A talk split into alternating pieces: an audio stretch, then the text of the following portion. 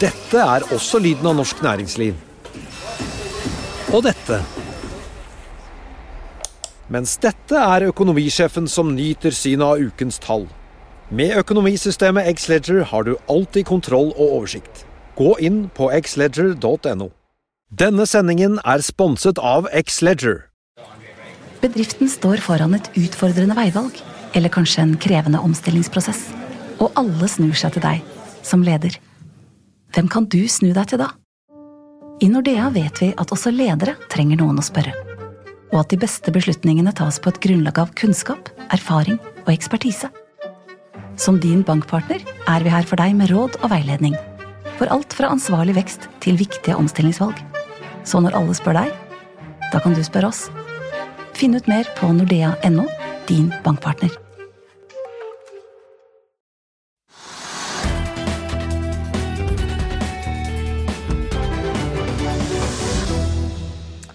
En eh, riktig god mandag der solen ikke bare skinner over store deler av landet, men også Oslo Børs ser det ut som, for etter et fall i forrige uke på 2,98 så har børsen i dag bare krøpet én vei, og det er oppover. Vi ligger nå opp 1,1% og dermed har vi igjen bikket over i pluss for året. Siden nyttår er hovedindeksen nå opp 0,6% Og så får vi da kaste et kjapt blikk på fondsindeksen, som også har krøpet opp 1,1 i dag, men da fortsatt ligger ned 5,1 for året. Det kan vi jo da litt enkelt sagt kalle Equinor-effekten. I dagens sending har vi med oss Trygve, og vi skal også se litt på alt kaoset som er i luften. For vi får høre et intervju med konsernsjefen i amerikanske JetBlue. Og så blir det også teknisk analyse av tankeaksjen Okeanis. Markedet akkurat nå det er Acetec, Nordic Nanovektor, Adavinta og hydrogenselskapet Nell som bidrar med størsteparten av oppgangen i hovedindeksen. XXL og Elmera, tidligere kjent som Fjordkraft, er jo blant de som trekker ned i dag.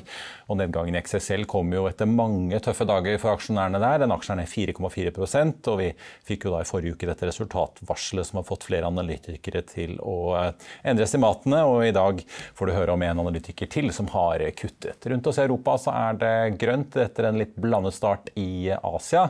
Oljeprisen er det verre med. Den lå jo over og under egentlig 120 dollar jevnt gjennom forrige uke, men på fredag suste den ned 6 dollar til 113 dollar i spotmarkedet.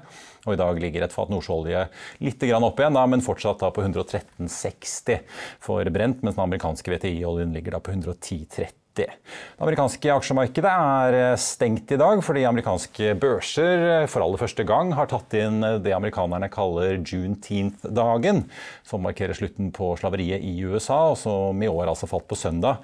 Men Nasdaq og Nyse er eh, likevel stengt og åpner igjen i morgen.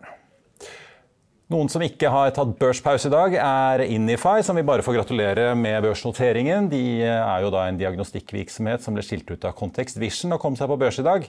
Og den aksjen har sust så kraftig opp at børsen rett og slett måtte pause handelen. Den har vært opp 261% på det meste.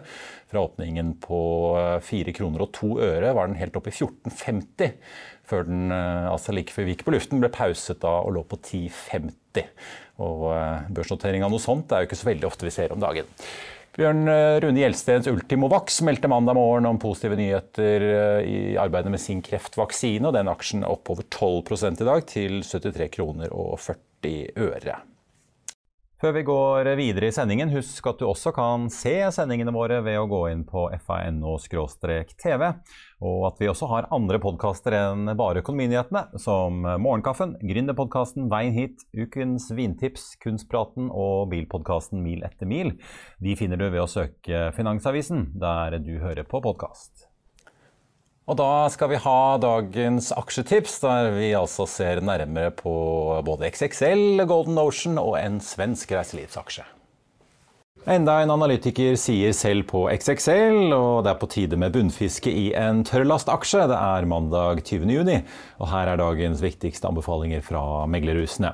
Etter at sportskjeden XXL kom med et negativt resultatvarsel, har analytikerstanden tatt frem kalkulatoren på nytt, og nå kaster Markus Heiberg i Kepler Chevreux seg på salgsbølgen. Han kutter fra hold, og kapper også kursmålet kraftig, fra 11 til 5 kroner. Ifølge Bloomberg sier nå tre analytikere selv fire hold, og én sier kjøp på XXL. Fredag slapp eh, Skistar nye rekordtall for sitt tredje kvartal, og nå er DNB Markets ute og kutter kursmålet i det svenske selskapet som bl.a. driver skianlegget i Trysil og Hemsedal. DNB har justert målet fra 190 til 175 kroner, men sier fortsatt kjøp. For selv om meglerhuset ser robust etterspørsel på både norske og svenske resorter, og at utenlandske turister har kommet tilbake til Norge, så gjør usikkerheten knyttet til det private forbruket fremover at DNB holder litt igjen. Aksjen er mandag ned over 7% til 129 svenske kroner. Carnegie-analytiker Oddvar Bjørgan kaster seg nå på Okea. Han tar opp dekningen og sier kjøp med kursmål 60 kroner. Aksjen gikk som en rakett fra i fjor høst, fra 15 opp til 30 kroner, og deretter opp til 60. Og så falt den litt tilbake til drøye 50-lappen. Så tar vi også med at Kepler Chevreuse Anders Carlsen hever Golden Ocean fra hold til kjøp med uendret kursmål på 162 kroner, etter at aksjen har falt fra 150 til 128. Vi ser ingen grunn til å endre vår verdsettelse eller syn på selskapet eller våre estimater på nåværende tidspunkt, skriver Carlsen, og legger til at EUs tørst etter flytende naturgass kan øke etterspørselen etter kull i Asia og andre steder. Markedsbalansen vil dra nytte av en svært begrenset vekst av eksisterende flåte, skriver han. En annen aksje som har falt mye, er Athea, som har deiset ned fra 160 kroner til under 100-lappen. Nå justerer Carnegies Oliver Pesani kursmålet sitt fra 142 til 130 kroner, men gjentar kjøp. Og det var aksjetipset på ukens første børsdag. Siste nytt om hva som rører seg, får du som alltid på fa.no. Og da har jeg fått med meg Trygve i studio. Trygve, velkommen. Ny uke. Ja. Har du fått fordøyd all, all, elendigheten på børsene på tampen av forrige uke etter disse kraftige renteøkningene i USA og renteøkninger i Storbritannia og i Sveits? Sveits. For første gang på evig lenge. Jevnt over, ja. Ja, altså Jeg har jo tenkt mye på det. Det gjør de fleste andre også. Og foreløpig så tror jeg egentlig det at folk nå er litt avventende.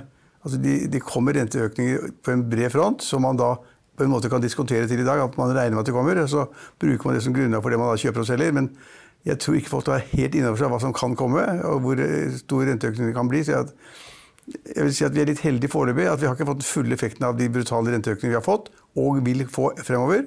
Det har vi ikke fått ennå. De som da på en måte er i tech-aksjer eller i selskaper med inntekter langt frem i tid, de har ikke fått den nødvendige korreksjonen ennå. Ja, for du, I forrige uke så snakket du om at eh, jeg spurte deg, er det liksom nå man skal begynne å gå inn og kjøpe skadeskutte vekst- og dekkeaksjer, men du mente det var for tidlig fortsatt? Jeg mener det er for tidlig, og, ja. og fortsatt mener det er for tidlig. Og da, så får vi også disse samfunnsøkonomene, makroøkonomene, Harald Magnus Andreassen og Petter Hermanrud og andre og så videre, som da alle sammen sier at markedet skal ned 50% altså hvis liksom det går som tidligere historikk osv., og, så videre, og hvordan det går ved renteøkninger osv. De har liksom mange gode argumenter.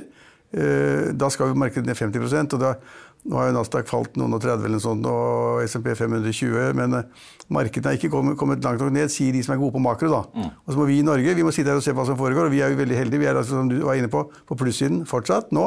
Eh, det er ganske godt gjort når man ser på da hvor store fallene har vært på de sentrale børsene verden rundt. Så er det godt gjort. Og så har vi da det, vi er, vi er heldige. altså da, Du var inne på det. det vi har det, plutselig dukker opp selskaper innen kreftforskning eller diagnostikk osv. Og, så og da er det slik at Når ryktene kommer om da gode resultater, oh, bra, ja. da går alt til himmels. det er veldig binært i de der eh, ja, tech-aksjene. Ja. ja, så det, da går det, og det har vi godt av. Det er morsomt å ha noen aksjer som plutselig overrasker alle. og Når kursen da går 250 eller hva det var.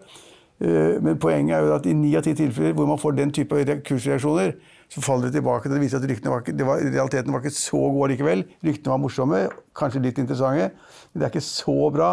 Og Så går det kanskje et halvt år, og så sier de at det, dessverre ble det ikke sånn som vi trodde det skulle bli. Og så, videre, så faller de tilbake. til at Det er en kjemperisiko å spekulere eller shorte eller kjøpe de aksjene som da på en måte er innen kreftbehandling. Og selv om det nå kom Gjelsten er en veldig seriøs person, så det kom da meldinger om at de hadde fått liksom konkrete tester som viser at de som hadde da dette her, overlevde mer enn andre. Også, og ja, Jeg kan ikke detaljer, jeg kan ikke detaljene selv heller, men men, men, men, det er kjempespekulativt. Så er, men jeg syns det er morsomt at vi får den type utslag. Det, det må jeg si. Ja, får vi se.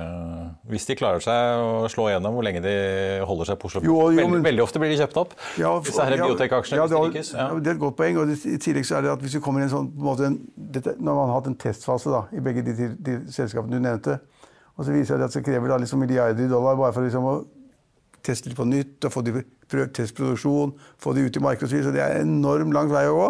Og det, det, kan man lykkes med, men jeg tør aldri si at det går bra eller det går dårlig. For det er for vanskelig. Mm. Det er veldig hyggelig at man får den type utslag, men ikke mer heller. Eh, altså, nå er det jo på torsdag uh, Ida Wolden Bakke sin tur her hjemme. Etter at uh, Jerome Powell har stått på podiet og sentralbanksjefen i England har stått på podiet og hele gjengen, så, så er det vår egen sentralbanksjef som uh, skal opp og fortelle hva Norges Bank har bestemt seg for på torsdag. I forrige uke diskuterte vi jo litt, og du var ganske klar i forventningen om en trippelleving i USA.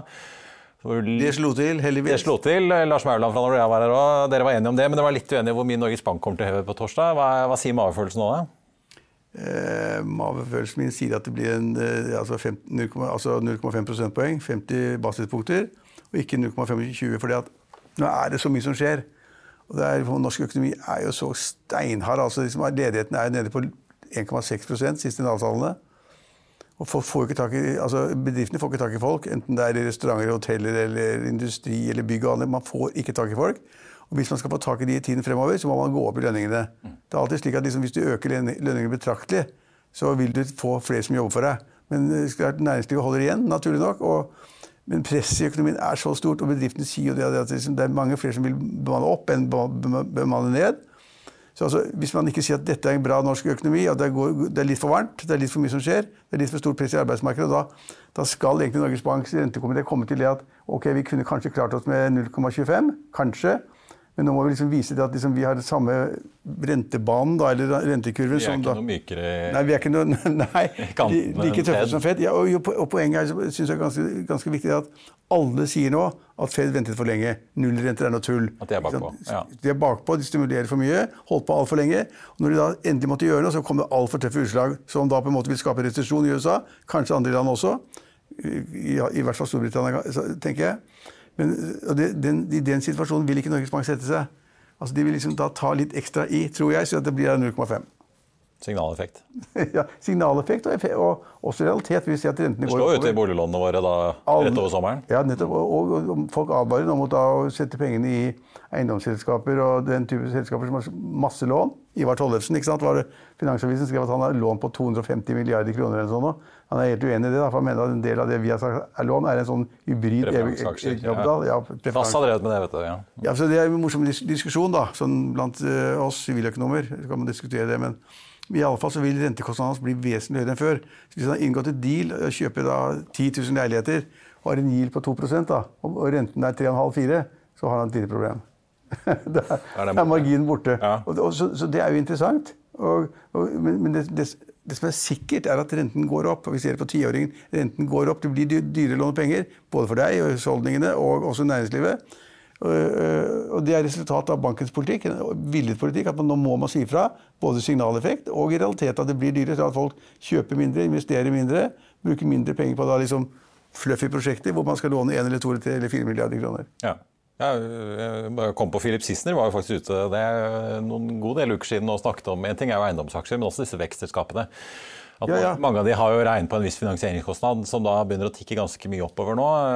Ja, Det, det, det svenske eiendomsselskapet, var det ABB, hva det heter for noe? Ja, SBB. De, de, de, er, de er jo nesten konk. altså de er jo shortet opp og ned. og det, Så vidt jeg forsto, så var det da pause i Stockholm eller sånt på den aksjen.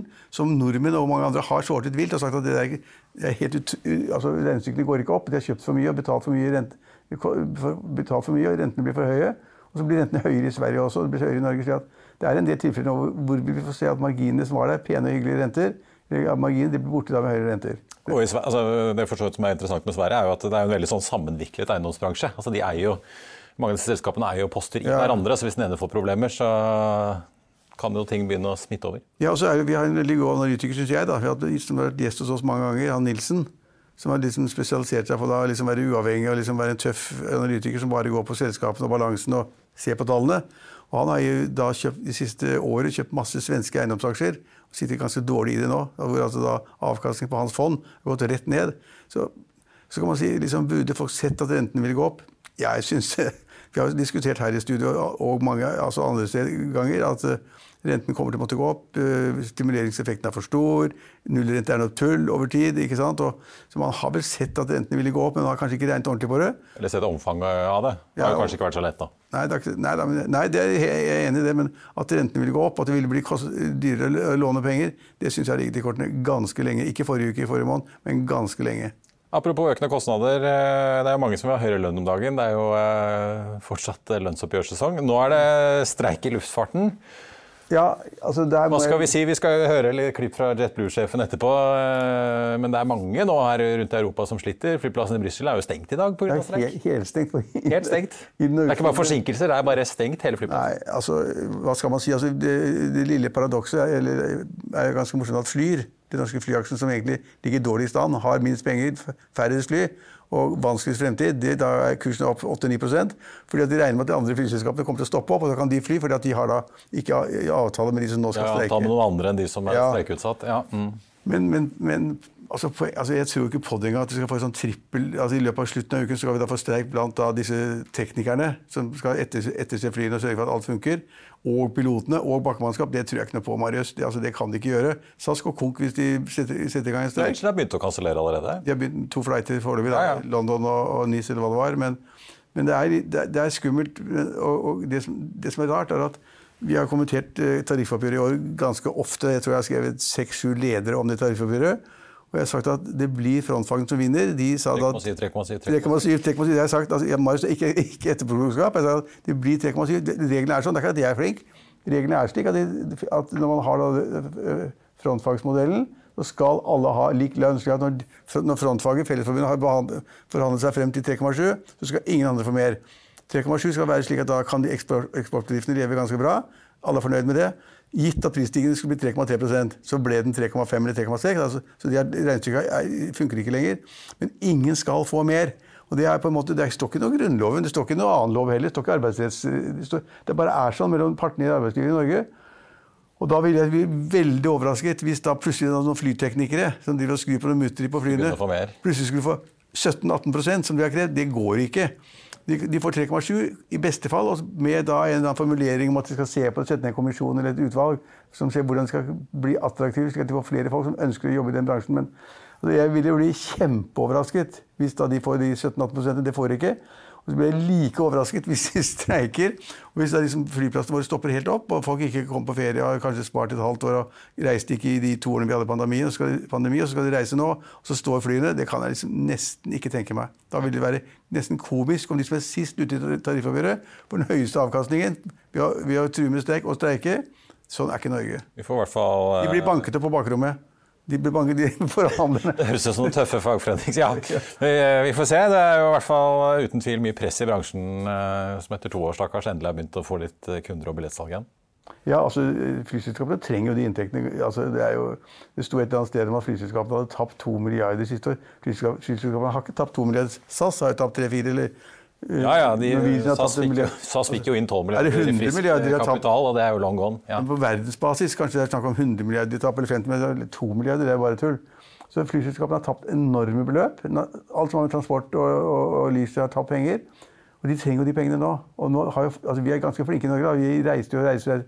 Vi, liksom, vi reiser mest i hele verden sånn per, per capita. og, og og det vil vi jo gjøre nå. Derfor vil Gardermoen være fylt opp etter hvert. Men altså, hvis vi da begynner med streik, da tror jeg folk bare gir opp. altså. Da snur de døra. Og, det morsomme er Da blir det hotell på Vestlandet i år allikevel. ja, men også ganske morsomt sagt. at- Lofoten. Hvorfor er flyplassen i Europa nå helt overrett av folk? Jo, fordi at folk kommer tre-fire timer før de skal reise. For de er livredde for ikke å komme med. Og at flyene blir kansellert, og de må skaffe seg en annen flight. Og når det kommer så mye folk på flyplassen, så er det ikke plass til alle sammen. nei, nei, altså ut og fly skal jeg iallfall ikke på det nærmeste. Nei. Ikke til Europa, i hvert fall.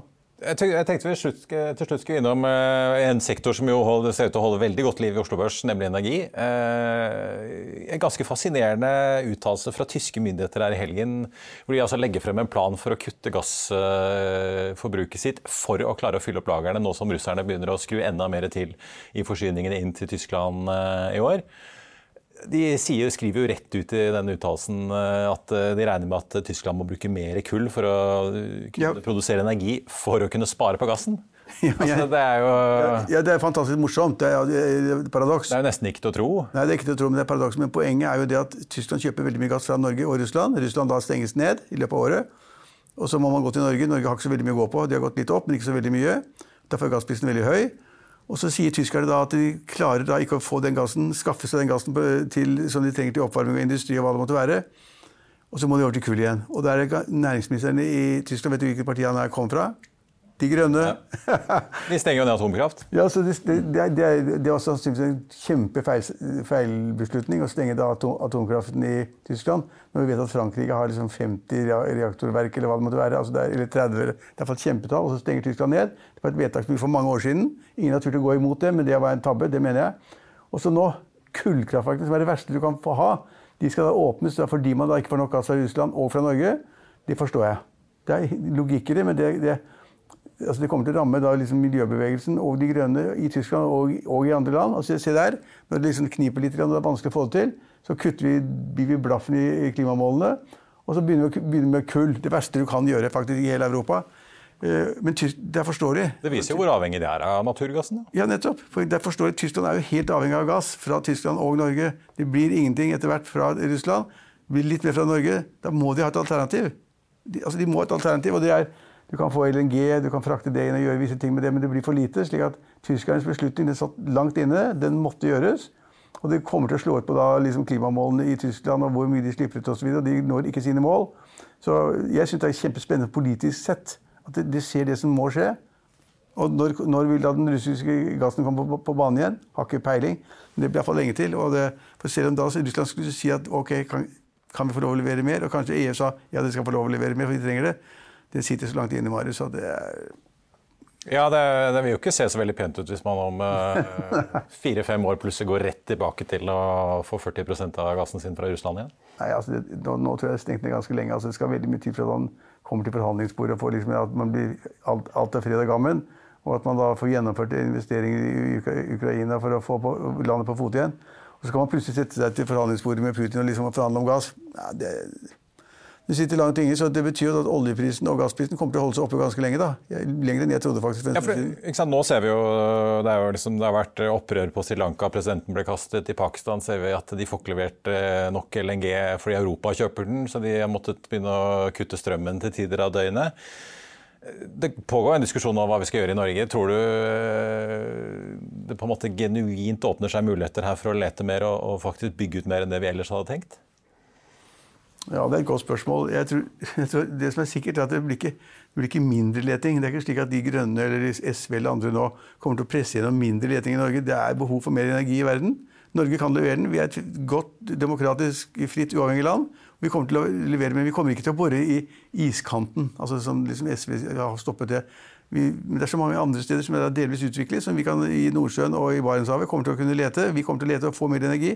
Norge vil stå der med altså, enorme gass- og oljerikdommer fortsatt. og Så lenge prisen er som nå, så drukner vi penger. Altså, ja, for Hvis du sier du er holdt jeg på å si, Tor Olav Trøim eller noen andre da, som skal sitte og beslutte skal man investere i enda mer LNG-skip eller det, det, er jo en investering som på en måte, du må gjøre den for noen år. Det er ikke noe du gjør nei, inn og ut på dagen. Mange mange år, og de, de, gjorde det for en del år siden, og da bomma de helt på timingen. ikke sant? Og så tapte de nesten alle pengene de hadde. Og, men, men, at, at det, altså energi det, det, er en ting som folk glemmer litt. det er at Når prisen blir så høy som den er nå, da, la oss si at oljeprisen er 113 dollar eller 114 dollar per fat, den var oppe i 120 som du også sa, så betyr det at etterspørselen vil på en eller annen måte rundt om i verden gå ned. Altså Når du får en pris på 120 eller 130 eller 140 dollar per fat, så går etterspørselen ned. slik at du på en måte kan korrigere litt av behovet for ny energi ved at etterspørselen blir borte, til, tilbudssiden er stor nok. Og jeg, Ingen skal fortelle meg at, at folk, industri i Europa eller, eller andre, andre, land bruker like mye olje hvis prisen er 120 kontra 150. Det gjør, sånn er det ikke. Og kanskje bruker de mer hvis oljeprisen faller til 80-90 eller 70 dollar per fat. Eh, kanskje, men det vet ikke jeg heller. OPEC liker den vel helst rundt sånn 60-80 et sted? kanskje der nede. Ja. Men, men, høy, men ikke for høy? Ja. 120 er for høyt. De, de, kommer til å ta ned etterspørselen som bare rakkeren. På den annen side, så er det, når det da ikke kommer gass, så må man ha mer olje. så det, Norge sitter i en veldig heldig situasjon. Og, og, sannsynligvis har de som satset på olje og energi og, og offshoresektor, de har da fremdeles en veldig god, god, god, case. Ja. Vi får følge med, som det heter. Takk skal, ja, du, ha, Trygve. Millions of people have lost weight with personalized plans from Noom, like Evan, who can't stand salads and still lost 50 pounds. Salads, generally, for most people, are the easy button, right? For me, that wasn't an option. I never really was a salad guy. That's just not who I am. But Noom worked for me. Get your personalized plan today at Noom.com. Real Noom user compensated to provide their story. In four weeks, the typical Noom user can expect to lose one to two pounds per week. Individual results may vary. Dette er også lyden av norsk næringsliv. Og dette. Mens dette er økonomisjefen som nyter synet av ukens tall. Med økonomisystemet Xledger har du alltid kontroll og oversikt. Gå inn på xledger.no. Og eh, vi må jo snakke litt mer luftfart, for samtidig som Norse North Atlantic akkurat har hatt sine første flyvninger i selskapets historie til både JFK i New York og Fort Lauderdale i Florida, så er det trøbbel i sikte for bransjen og etter pandemien altså. Det er jo ikke bare dyrere drivstoff som svir, men ikke minst denne logistikken som altså er på bristepunktet mange steder. Jeg nevnte jo i sted, men Brussel holder altså flyplassen sin, eh, hovedflyplassen sin stengt i dag grunnet streik, og vi vet jo også at Eh, både Arlanda og Schiphol sliter, i USA sliter de. Og også i London har bemanningen skapt eh, trøbbel denne uken. Her hjemme har Norwegian altså i dag varslet at de begynner å kansellere flyvninger som følge av streiken hos flyteknikerne som startet mandag. Og så vet vi jo at eh, en mulig pilotstreik i SAS er på trappene hvis ikke partene blir enige. Og nå skal vi høre fra en annen aktør som utfordrer markedet over Atlanteren, nemlig amerikanske JetBlue. Deres konsernsjef Robin Hayes var blant deltakerne på eh, luftfartsorganisasjonen IATA sin årskonferanse i Doha denne uken. Og Bloomberg har snakket med Hays om eh, det som rører seg, og også om at selskapet nå har sikret seg sin andre slått på Heathrow i kampen om å få en del av langdistansemarkedet. Let's talk about what's happening in the travel industry right now. Um, every day, we're seeing problems being caused at airports. Uh, they may be weather related, they may be ATC related. They're all staff related. When are they fixed? Uh, well, first of all, it's great to be here, and it's great to have everyone together again uh, because uh, we missed that. We did it in Boston last year, so it's great to be here in uh, Doha.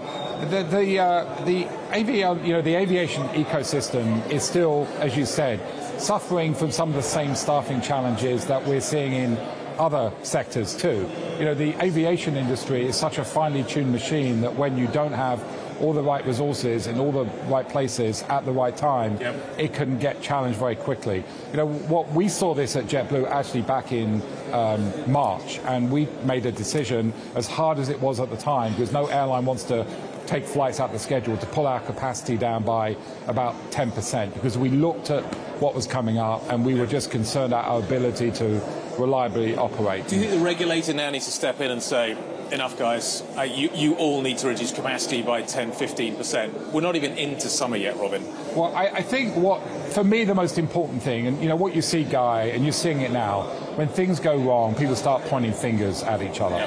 The, the, customer doesn't care.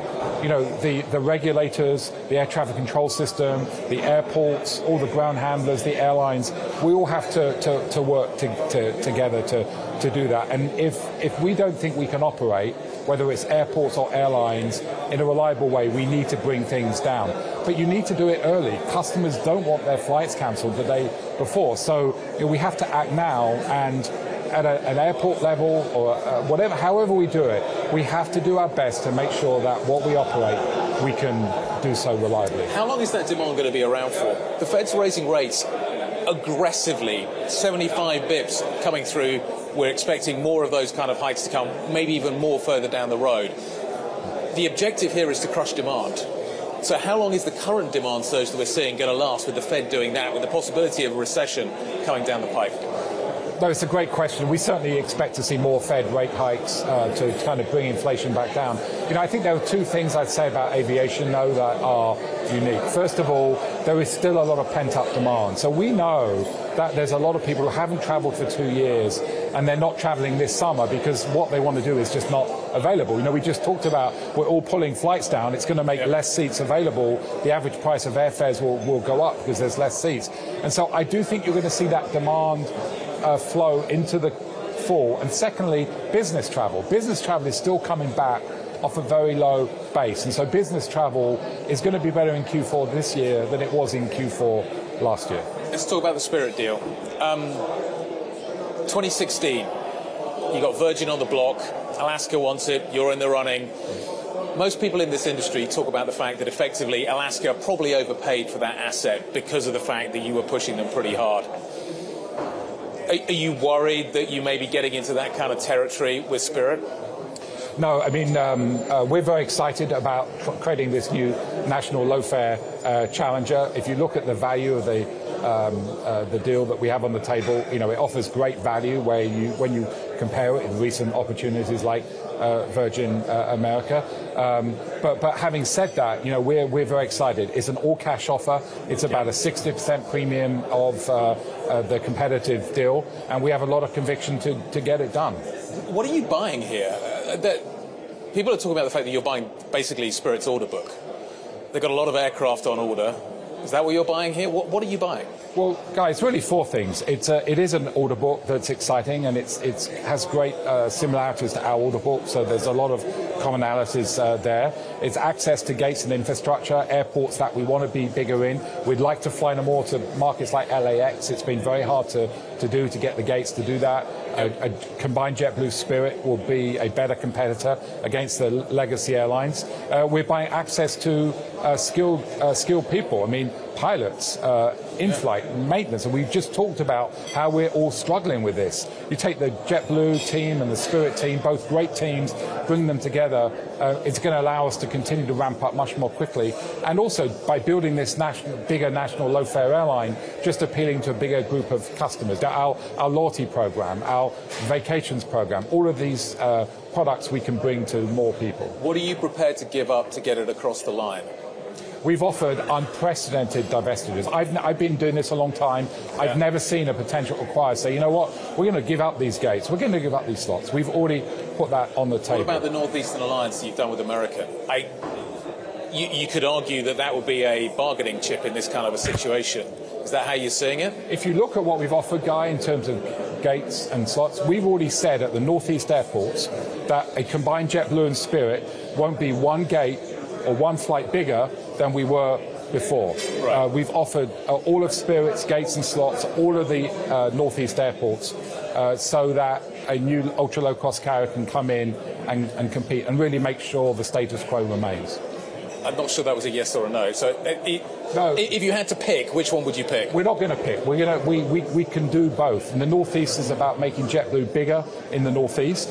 Uh, the Spirit transaction is about growing a bigger JetBlue outside of the Northeast. Look, you've got four large airlines in the US with 20% share. Right, for us truly to bring, make sure this industry stays competitive, we have to, as a smaller airline, find innovative ways to, to grow and help keep less low fares and give customers choice. A bigger JetBlue, powered by both the NEA and the Spirit transaction, really can be a game changer. Is this, if you don't do this, then what? If we don't do this, you know, we have an organic plan. This is speeding up our organic exactly, plan yeah. by about seven or eight years.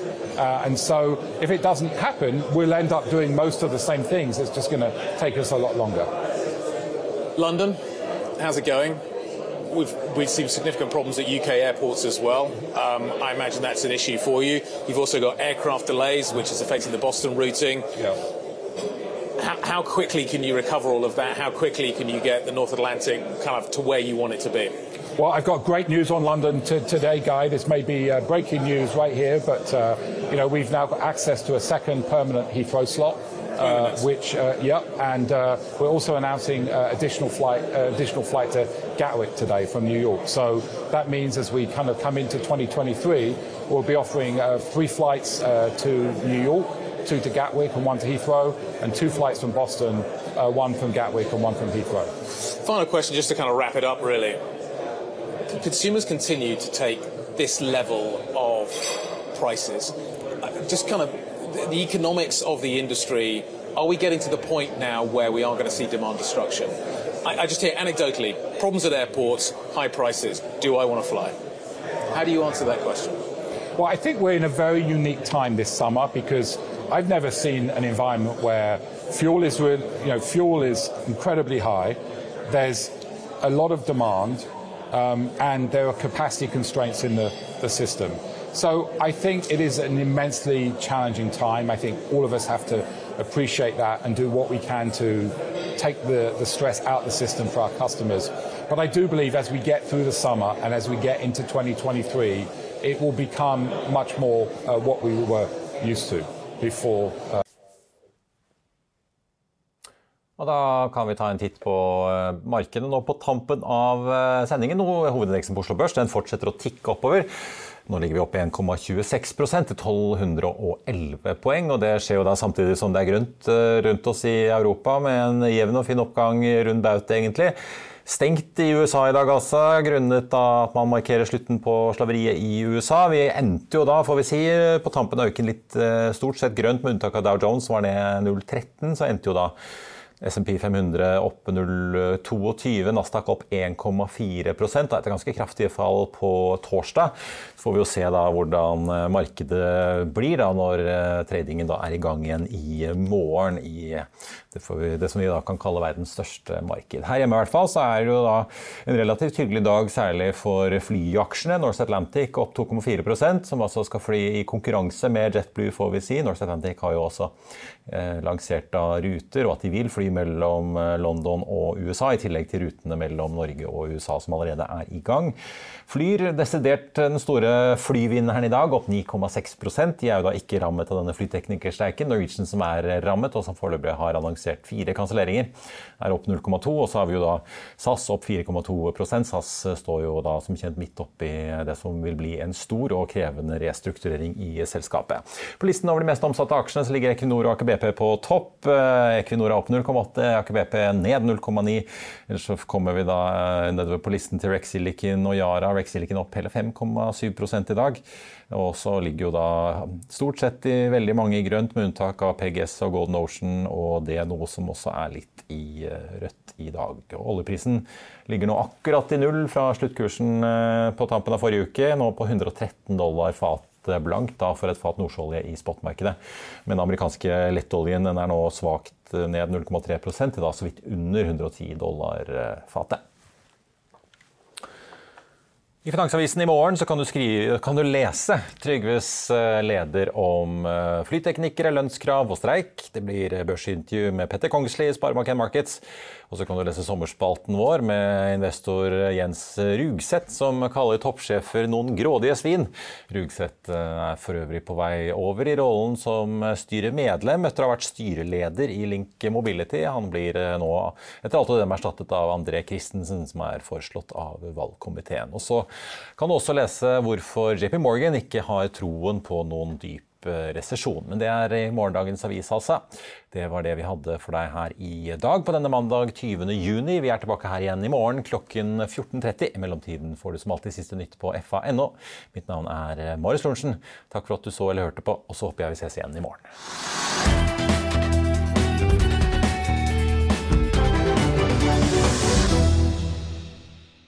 Denne sendingen er sponset av X-Leger. ACAST powers the world's best podcasts. Here's a show that we recommend.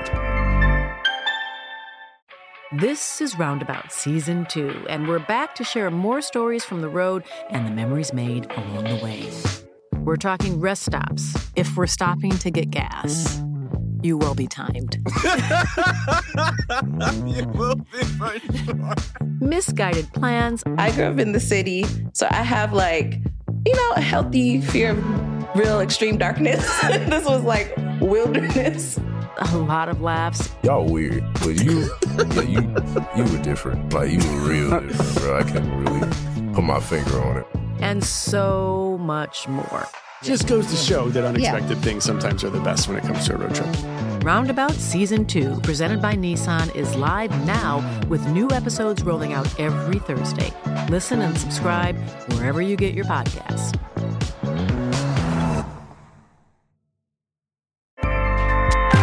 ACAST helps creators launch, grow, and monetize their podcasts everywhere.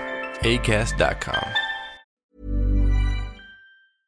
Økonominyhetene er en podkast fra Finansavisen. Programledere er Marius Lorentzen, Stein Ove Haugen og Benedikte Storm Bamvik.